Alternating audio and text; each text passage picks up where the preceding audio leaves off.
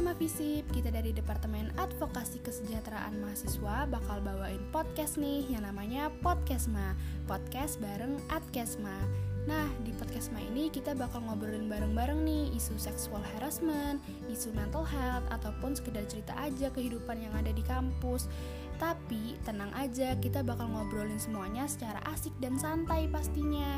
Makanya jangan sampai ketinggalan ya sama episode-episode yang ada di Podcastma.